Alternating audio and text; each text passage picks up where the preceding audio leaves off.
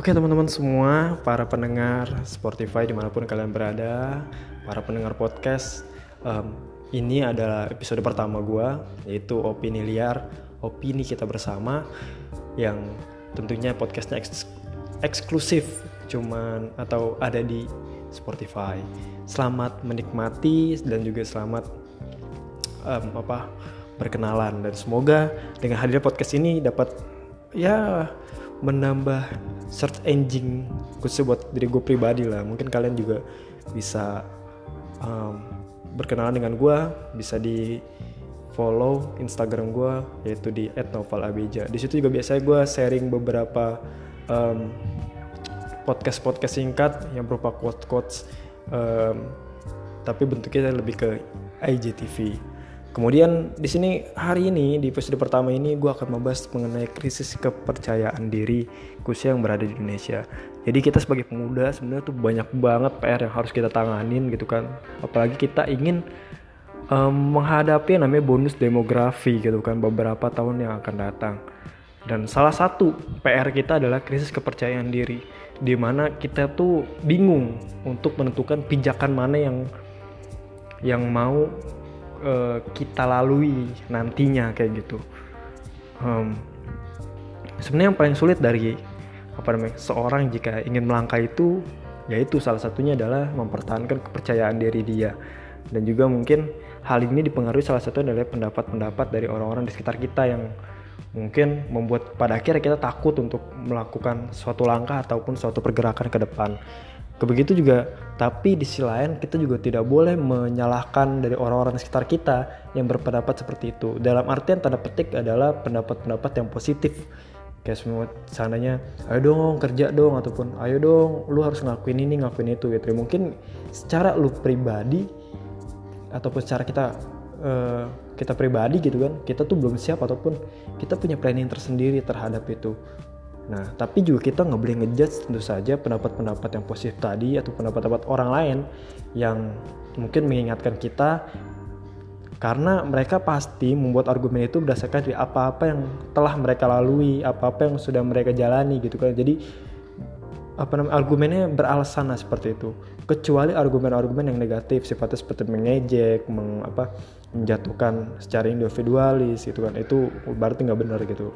Tapi kalau selama pendapat-pendapat yang membangun, pendapat-pendapat yang positif, sekalipun itu nggak make sense dengan rencana atau rancangan sudah kita bikin di dalam otak kita ataupun hati kita gitu kan, yang sudah dirancang gitu.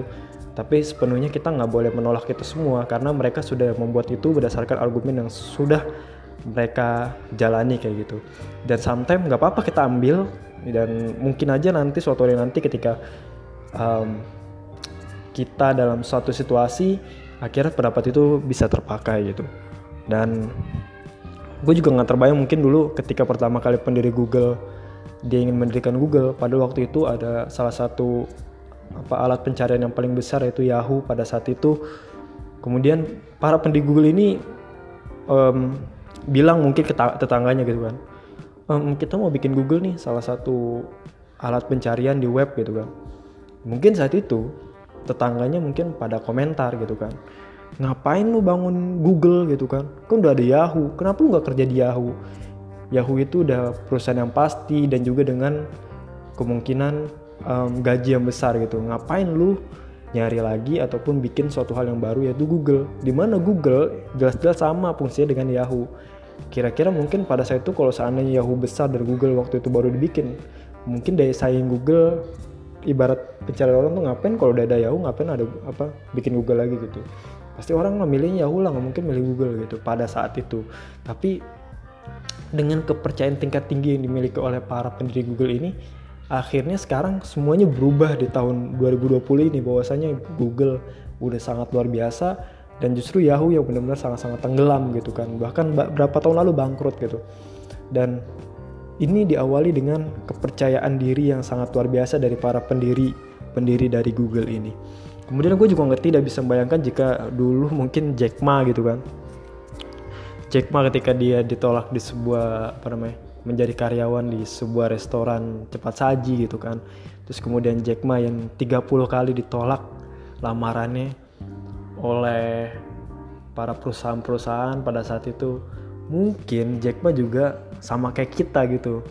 Mungkin dia mengalami mental breakdown di mana um, para tetangganya ataupun orang-orang di sekitar itu ngomongin si Jack Ma karena dia lamaran kerja ditolak gitu kan. Mungkin kita kalau di Indonesia tuh udah dijulitin abis-abisan gitu kan. Lu sih kenapa sih lu nggak kerja? Kenapa sih lu nggak ini? gitu kan. Nah mungkin Jack Ma dulu mungkin ya mungkin. Gue bilang mungkin gitu kan ini sisi komedi aja mungkin Jack Ma dulu pernah ngalamin hal seperti itu tapi dengan sangat luar biasa orang yang pernah ditolak kerja selama sebanyak 30 kali pernah ditolak menjadi karyawan restoran cepat saji tiba-tiba dia hadir loh Bahkan di 2020 ini salah satu perusahaan yaitu Alibaba menjadi salah satu perusahaan yang sangat luar biasa di dunia. Jadi itu diawali lagi sekali lagi oleh kepercayaan diri. Jadi kepercayaan diri itu penting. Maka yang gua rasain sekarang di Indonesia itu adalah kita itu banyak banget potensi guys teman-teman semua. Kita banyak banget potensi kita banyak banget teman-teman yang bisa banyak kemampuan kita banyak banget teman-teman kita mungkin jago dalam sains ataupun jago dalam sosial gitu kan. Tapi yang kurang cuma satu yaitu kurangnya kepercayaan diri. Contohlah banyak banget di antara kita mungkin yang lulus lulusan kuliah gitu kan. Entah lulusan saintis atau tulisan apa namanya lulusan lulusan yang apa namanya fisip ataupun humaniora gitu. Banyak banget. Bahkan mereka itu kerjanya tidak berdasarkan dengan aspek ilmuwan yang mereka pelajarin gitu. Itu sebenarnya nggak masalah sih sebenarnya. Tapi apa ya itu yang menandakan bahwasanya um, kadang-kadang um, kita tuh nggak pede untuk menjalin suatu hal yang sudah kita teladani gitu. Dan bahkan banyak banget teman-teman kita yang mungkin sudah lulus kuliah tapi pada akhirnya mereka nganggur dan tidak banyak tidak belum mendapatkan pekerjaan kayak gitu. Dan um, pilihannya kan mungkin kalau setiap orang bilang kenapa nggak lulus kuliah? Kita bikin usaha baru yang yang pada akhirnya kita menciptakan inovasi-inovasi baru. Dan kadang-kadang um, gini guys oke okay, sana si pemuda ini atau si wisudawan ini ingin menciptakan sebuah inovasi baru. Tapi kadang-kadang ada satu hal yang menuntut dalam dirinya dia seperti yang tadi gue bilang. Mungkin dia nggak sabar mendengar perkataan kata orang yang lu gimana sih udah wisuda tapi malahan nggak kerja atau apa segala macam. Yang kadang-kadang tuh membuat sifat kita tuh menjadi seseorang yang tidak sabaran yang akhirnya apa pun kita jalanin demi apa namanya demi sana membayar ataupun uh, melunasi hal yang apa namanya hal-hal yang dibicarakan oleh orang-orang banyak gitu. Tapi sekali lagi kita juga tidak boleh menyalahkan omongan-omongan yang disampaikan oleh orang banyak karena mereka mempunyai argumen yang yang mendasar terhadap apa yang mereka bicarakan. Tapi kalau saya argumennya sekali lagi yang bersifat ngejek gitu kan kita mungkin kita juga seharusnya mulai sekarang ini agak sedikit berpikir dengan membalasnya dengan cara kualitas bukan dengan omongan lagi. Jadi kalau ada orang yang mengejek lu maka cara menjawab lu adalah dengan cara membuktikan bukan dengan cara menjatuhkan bahwa you can do it. Ini gue bisa loh ngakuin ini kayak gitu. Dengan kepercayaan diri lu sendiri. Itu menurut gue salah satu problem yang sekarang Indonesia sangat fair banget tentunya uh, menjelang bonus demografi nanti ke depannya.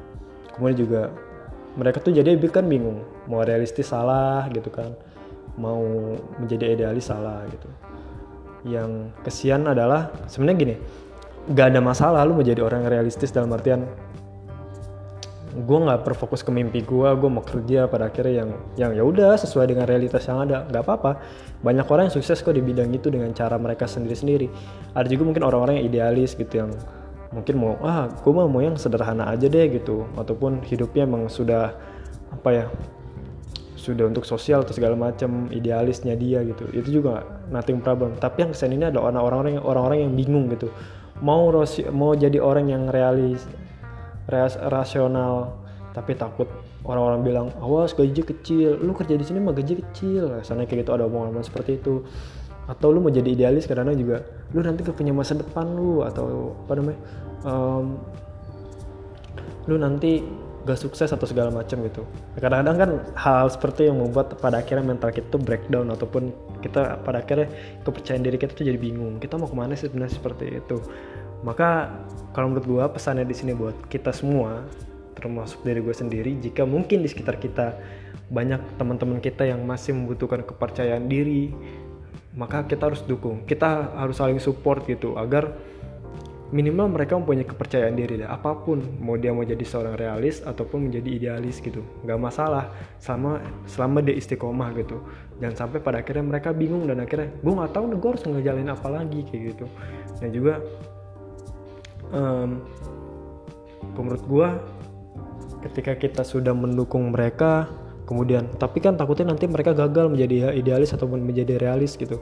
Ya nggak apa-apa gagalan itu sebenarnya adalah menjadi bagian dari pendidikan buat diri dia sendiri. Jadi apa namanya? Ya manusia tanpa gagal pasti nggak bakal ada kesuksesan. Dan orang-orang sukses pasti terdidik karena adanya kegagalan seperti itu.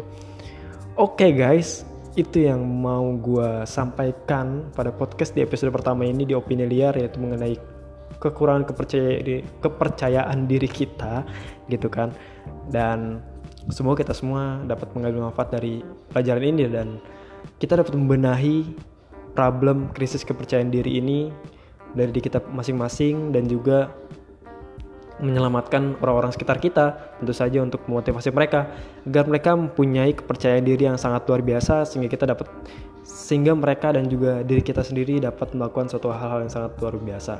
Gue Novel Tusabil, opini liar. Sampai jumpa lagi.